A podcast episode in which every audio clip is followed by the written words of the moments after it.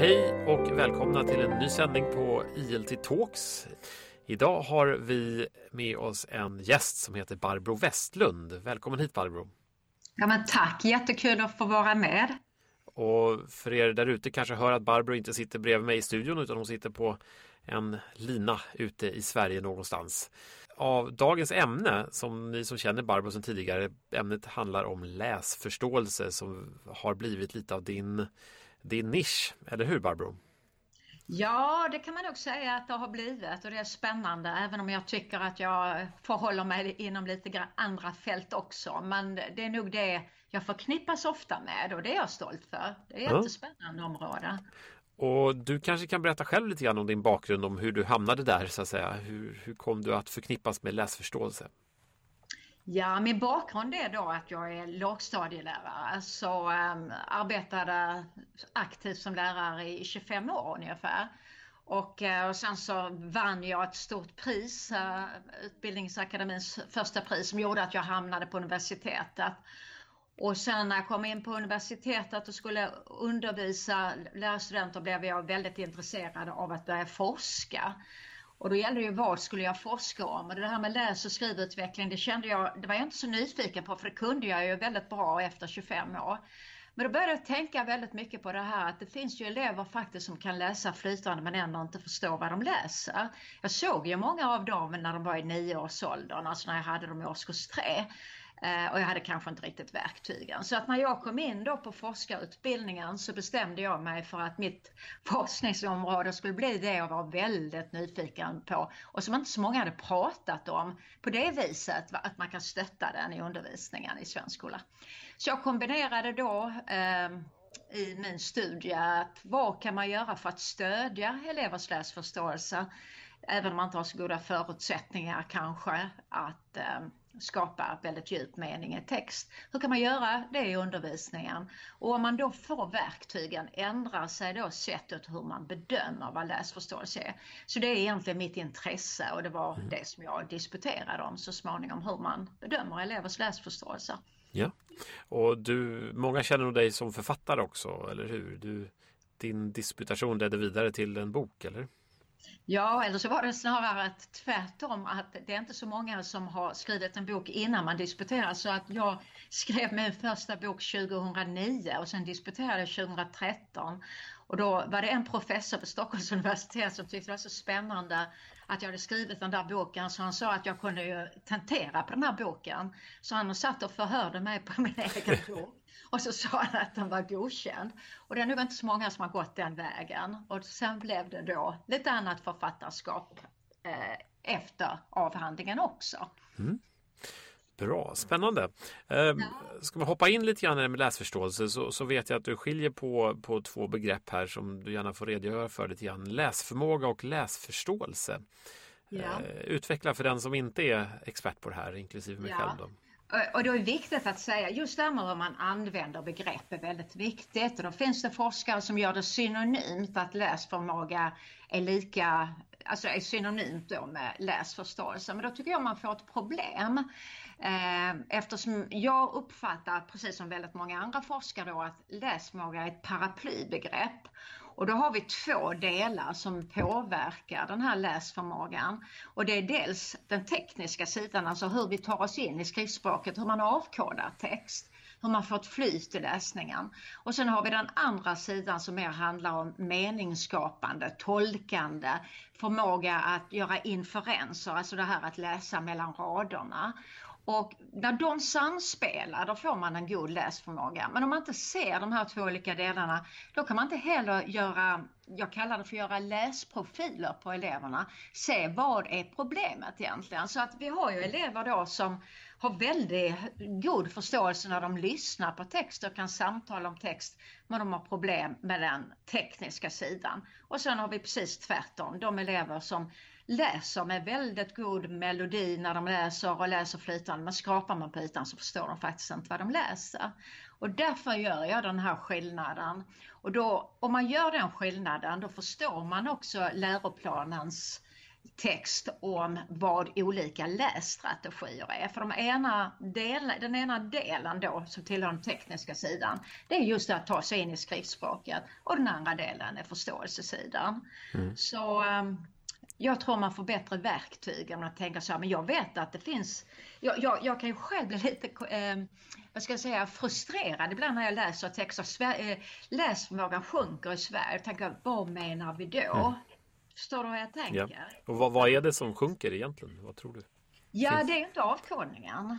Alltså att kunna knäcka koden är vi mm. ganska bra på. Så det är ju alltså förståelsesidan. Hur man tar sig an olika texter. Hur man förstår dem på djupet. Hur man kan använda sin kunskap när man läser en text och jämför med en annan text man har läst. Och den här kritiska granskningen. Alltså själva begreppet läsförståelse är ju väldigt komplext egentligen. Mm. Så det går inte enkelt att, definiera den. Mm. Även och, jag kan. Och, och, när det kommer till läsförståelse, det har funnits lite initiativ och inte så länge sedan så lanserades ju en, en läsande klass som ett initiativ för att just förbättra läsförståelsen. Och, eh, det är nog fler som har hört att du har varit lite kritisk till, till initiativet. Eh, eh kan, du, kan du utveckla hur den kritiken ser ut? Ja, och då, då är det viktigt att säga att jag var ju inte kritisk till initiativet. Jag tyckte det var ett jättebra initiativ när man tog tag i det här man vill göra mycket i svensk skola.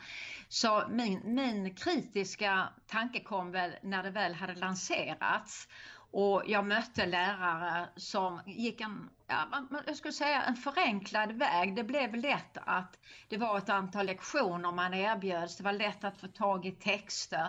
Men man fick inte med sig teorierna bakom. Och om man då frågade många lärare som arbetar med en läsande klass, vad är egentligen den här reciprocal teaching som är ett sånt där program som då visar Eh, hur man kan arbeta med läsförståelse så kunde lärare säga nej men det behöver man inte bry sig om, man kör bara lektionerna.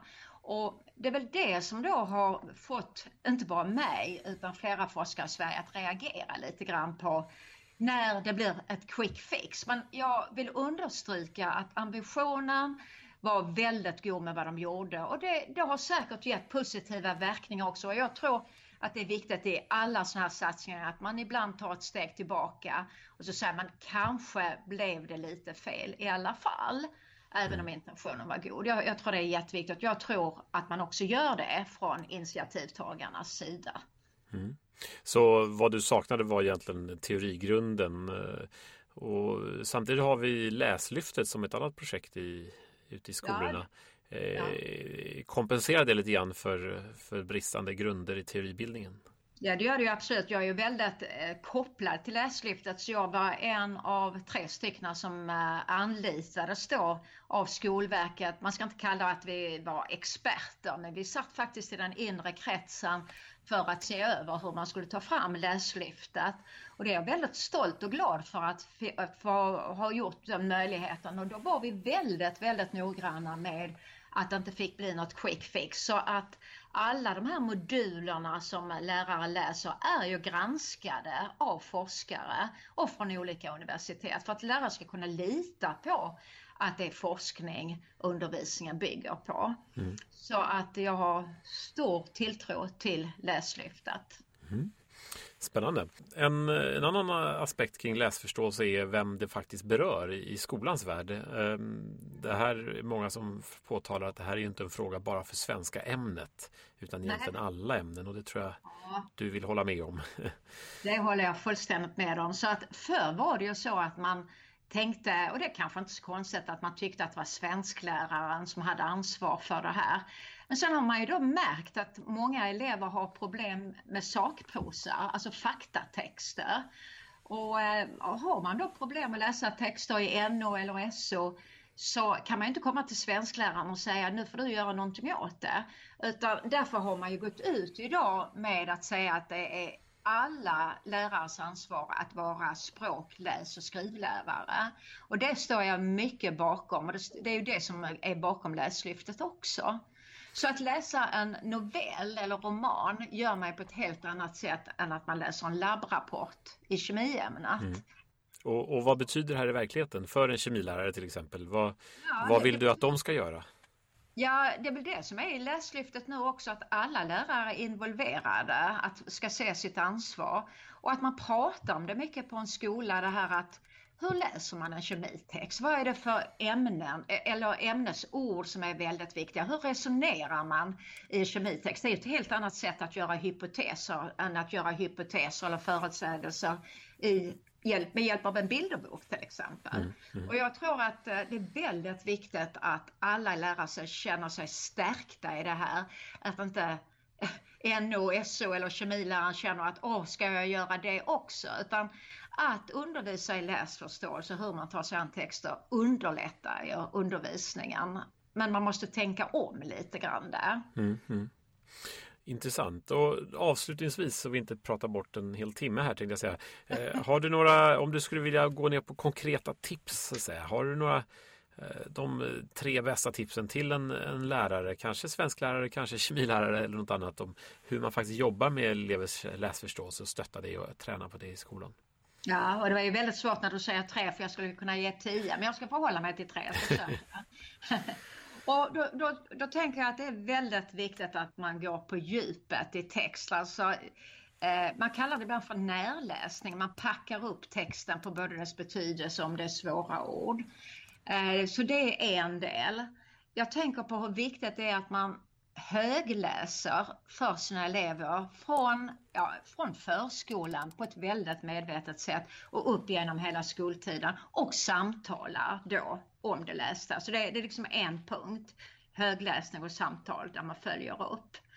Eh, sen är det ju viktigt att man som lärare funderar på hur når jag mina elevers motivation, engagemang?